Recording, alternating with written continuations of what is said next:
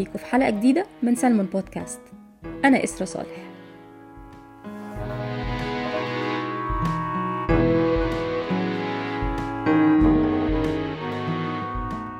اللي أوله شرط آخره نور والعقد شريعة المتعاقدين.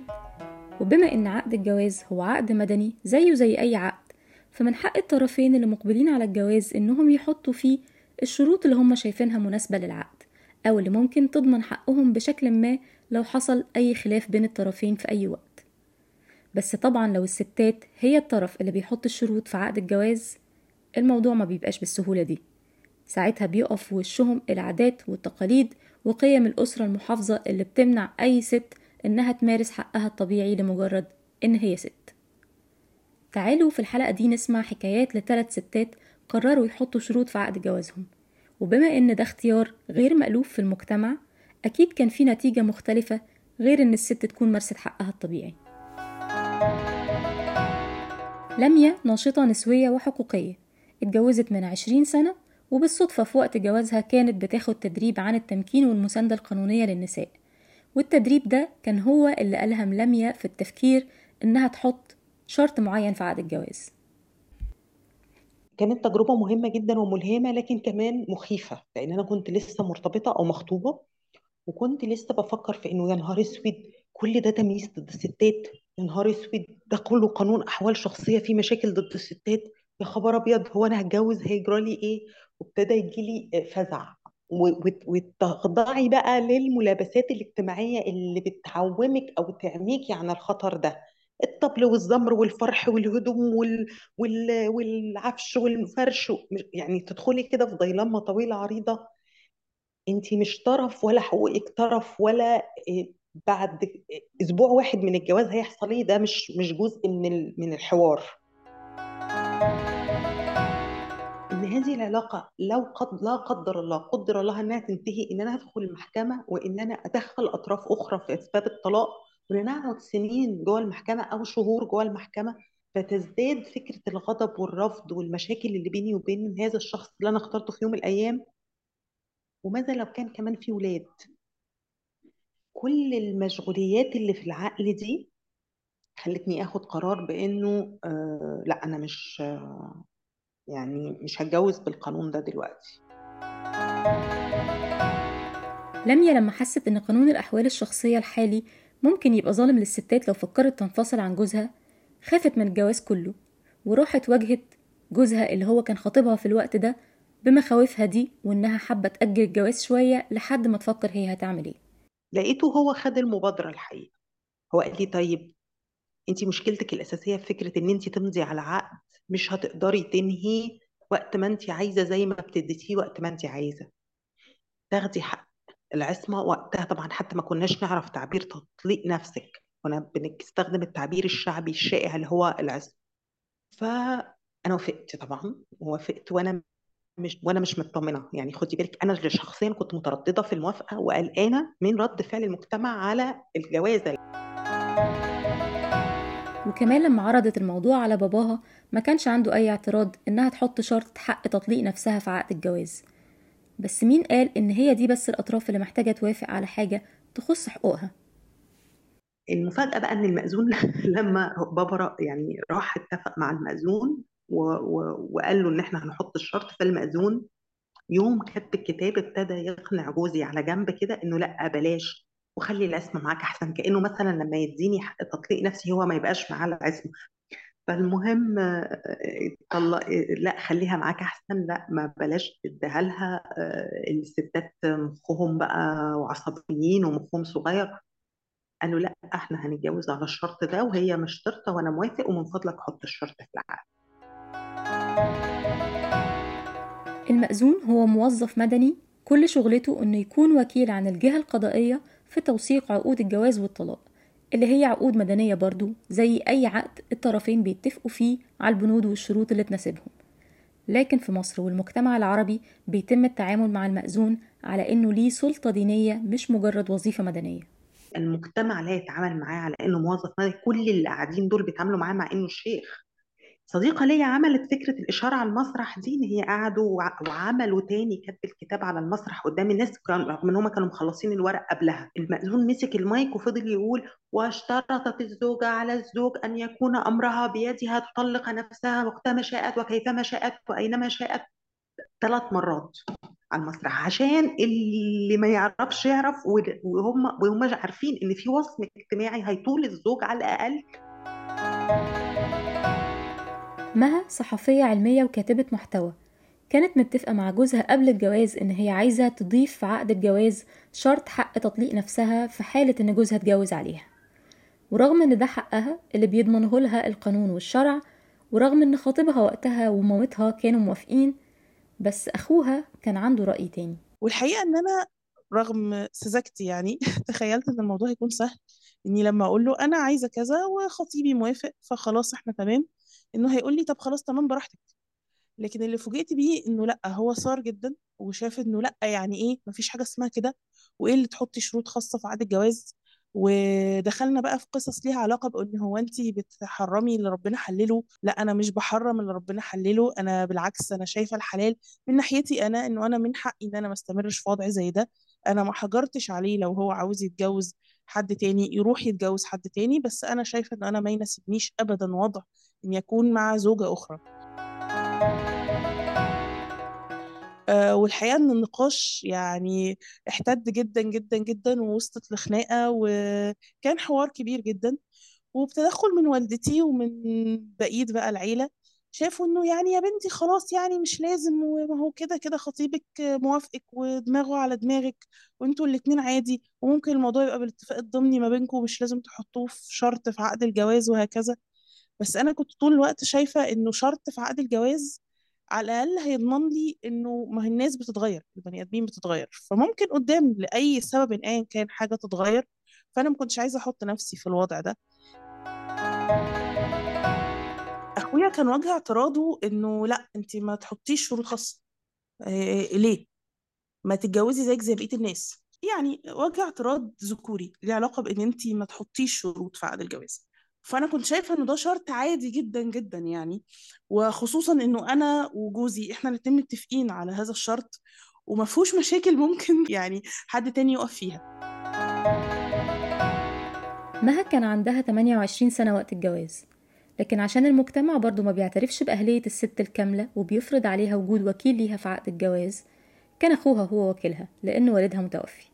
وعشان كده هو قدر يمشي رغبته عليها وعلى جوزها. لحد ما وصلوا لموائمة ما إنه طب خلاص إحنا آه، جوزك هيتعهد أو اللي هو يعني هيبقى جوزك هيتعهد قدامنا كلنا بإنه ده حقك وهكذا ويبقى الموضوع بشكل عرفي أكتر منه رسمي مكتوب في عقد الجواز يعني.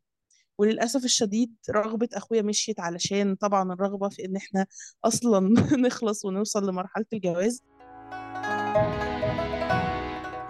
أنا كنت حاسة إحساس وحش جدا جدا وسيء للغاية لدرجة إن أنا يوم كاتب كتابي كان المفروض يكون فيه ترتيبات وحاجات كتير واحتفال وهكذا. آه، أنا تقريبا ما عملتش أي حاجة خالص.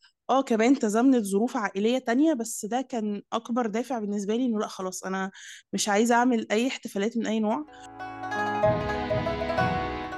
مها شايفة إن اعتراض أخوها على الشرط اللي هي كانت عايزاه هو نابع من رغبته هو الشخصية في السيطرة على زوجته المستقبلية. فأعتقد إن الموضوع كان ليه علاقة بيه هو شخصيا إن هو يعني خاف بشكل ما أو بآخر إنه مستقبلا فهو يتجوز فاللي هيتجوزها دي تبقى عارفة إنه أختك عملت كده فأنت ليه مش مديني نفس الحق؟ عبير بقى صحفية ومتجوزة من سنة ونص. برضو كانت متفقة مع خطيبها قبل الجواز إنها عايزة تحط شرط معين في العقد. والموضوع ما خدش وقت كبير في المناقشة لا معاه ولا مع أهلها. لأن محدش كان عنده مشكلة أصلا بس المأذون كان عنده. آه، لما جينا نكتب الكتاب آه، طلبنا من المأذون إن إحنا عايزين نحط شروط في عقد الجواز. إن إحنا عايزين نكتب إن لا يجوز للزوج الزواج بأخرى. وإن إحنا عايزين نكتب شرط تاني بيقول إن لا يجوز حدوث طلاق إلا بحضور وموافقة الطرفين. المأذون اعترض قال إن هو مش هينفع يكتب الشروط ديت لأن الشروط ديت مخالفة للشريعة الإسلامية. فبالتالي العقد مش هيكون صحيح. فابتدينا إن إحنا نتناقش معاه إن لأ إن المفروض حتى طبقا للشرع إن العقد شريعة المتعاقدين. وبما إننا إحنا الاتنين موافقين على الشرط ده فالعقد هيبقى صحيح عادي ما فيهوش مشكلة. هو كان شبه اقتنع بالكلام بس خاف إن هو يعمل ده فيبقى العقد مش صحيح. فاتصل بحد تاني تقريبا مأذون تاني أو حد أعلى منه فقال له لا مش هينفع الشروط ديت تتكتب في عقد الجواز علشان ديت شروط مخالفة للشريعة مش هينفع تتكتب. فاضطرينا إن إحنا بدل ما نكتب اللي هو الشرط بتاع إن مفيش طلاق غيابي وإن لا يحق للزوج الزواج بأخرى فكتبنا شرط تاني هو شبه قانوني شوية ومفيش عليه مشكلة. إن هو لا يحق للزوج الزواج بأخرى إلا بموافقة كتابية من الزوجة. فكرة عبير وخطيبها في الوقت ده إن هما يحطوا شروط في عقد الجواز كانت بسبب إن أهل الشخص اللي بقى جوزها ما كانوش موافقين على الجوازة دي من أولها. فهم كانوا شايفين إن هو ما ينفعش يتجوز واحدة كانت متجوزة قبل كده وما ينفعش يتجوز واحدة مش محجبة فكانوا مرافضين الجواز لدرجة إن هم خطفوه وهددوه بالقتل. فوقت جوازنا كنا خايفين إن اللي حصل ده يتكرر تاني كنا عايزين نكتب شرط زي ده بحيث لو فكروا يعملوا أي حاجة من ديت أو حاولوا يخطفوه أو يأذوه تاني إن يكون في حاجة بتجبرهم إن أنا لازم أكون موجودة على الأقل ساعتها ما يكونش لوحده فنقدر إن إحنا نتصرف بشكل أفضل. شروط عقد الجواز حق بيكفله القانون والشرع في مصر لكن المجتمع ما بيقبلش إن الستات تتشرط في عقد الجواز. لأن دي حاجة مش مألوفة ومش مقبولة. فكرة إن ده حقها أصلا مش مبرر بالنسبة للمجتمع إن الست تاخد طريق مختلف عن اللي اتعودنا عليه. وحقها ده تبقى تبل وتشرب ميته وهي واقفة في محاكم الأسرة بعد كده. في في نوع الجوازه دي إحنا كلنا كان بيتقال لنا ساعتها مفيش غير الرقصات بيحط الشرط ده. أنا بحس إن فكرة وصم الراقصات عشان بيحطوا شرط شرط تطليق نفسهم ده مش مفهوم يعني. في حاجات كتير آه، شرعا هي آه، جائزة. بس لأ المجتمع عندنا مش بيتعامل مثلا من ناحية الدين. إحنا بنقول إن إحنا شعب متدين بطبعه لأ إحنا مش شعب متدين ولا حاجة. إحنا شعب بياخد من الدين اللي على مزاجه ويسيب اللي على مزاجه. بيتعامل مع الست على إن هي مواطن درجة تانية. ملهاش حقوق وملهاش إن هي تقول آه أو لأ.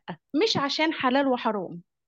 علشان دي الصورة النمطية اللي رسموها للستات. فكان بيتم وصمنا بكافة الطرق لمجرد إن انت فكرتي هذا التفكير في إن انت تعملي تحطي الشرط ده في عقد الجواز. ابتدت برامج تلفزيون كتير بقى حاجة جديدة والستات حاطين شروط وشاطر حاطه شرطين أصلا يعني تطليق نفسك دي حاجة كانت حاولوا قدر الإمكان يحولوا فعلا أو يزقوا الفكرة دي في اتجاه إن ده شرط غريب. ما بيعملوش الستات العاديات المصونات. الناس مش بتتقبل حاجة زي دي. يعني إيه تكتبي شرط في عقد جواز؟ في بيحسبوها عدم ثقة آه، في بيحسبوها إن انتي بتتأنتكي بيحسبوها بحاجات كتير يعني. بس هما فكرة إن واحدة تكتب شرط في عقد الجواز لا دي بالنسبة لهم إزاي تعمل كده وحاجة غريبة وحاجة مش صح؟ مع إن يعني سواء قانونا أو شرعا ده حق طبيعي جدا للزوجة إن هي تعمله. أعتقد برضو إن معظم الرجالة الذكوريين بيبقوا بيفكروا حتى لو هي قضايا ما تخصهمش بيفكروا دايما في مكتسباتهم. خوفا من إنه في ستات تحصل على مكتسبات كبيرة من الرجالة فلا لا ده يخلي بقى اللي إحنا عايزينهم يتمردوا علينا يعني. قليل اللي تناول الموضوع بعقل وبحكمة وبمحاولة ل آه، يعني الترويج لفكرة حق الستات القانوني والشرعي والرسمي في وضع شروط في عقد الجواز باعتباره عقد مدني آه، من حقنا ناخد فيه نتفق فيه على كل حاجة قبل ما نتجوز. حتى بعد ما مر أربع سنين دلوقتي على جوازي فأنا ستيل الموضوع ده عامل لي غصة في قلبي كده آه، إن أنا ما قدرتش أكمل للآخر. فأنا شايفة دلوقتي إنه آه الموضوع ما كانش أبسط حاجة ولا أسهل حاجة عليا بس في نفس الوقت كان للأسف دي ضريبة لازم أدفعها. علشان تحصل الموائمة في الآخر ونوصل للنتيجة يعني. الضريبة اللي دفعتها مها هي التمن اللي بتدفعه أي ست عندها اختيار غير تقليدي أو بتحاول تخرج بره القالب اللي اترسم لها من المجتمع.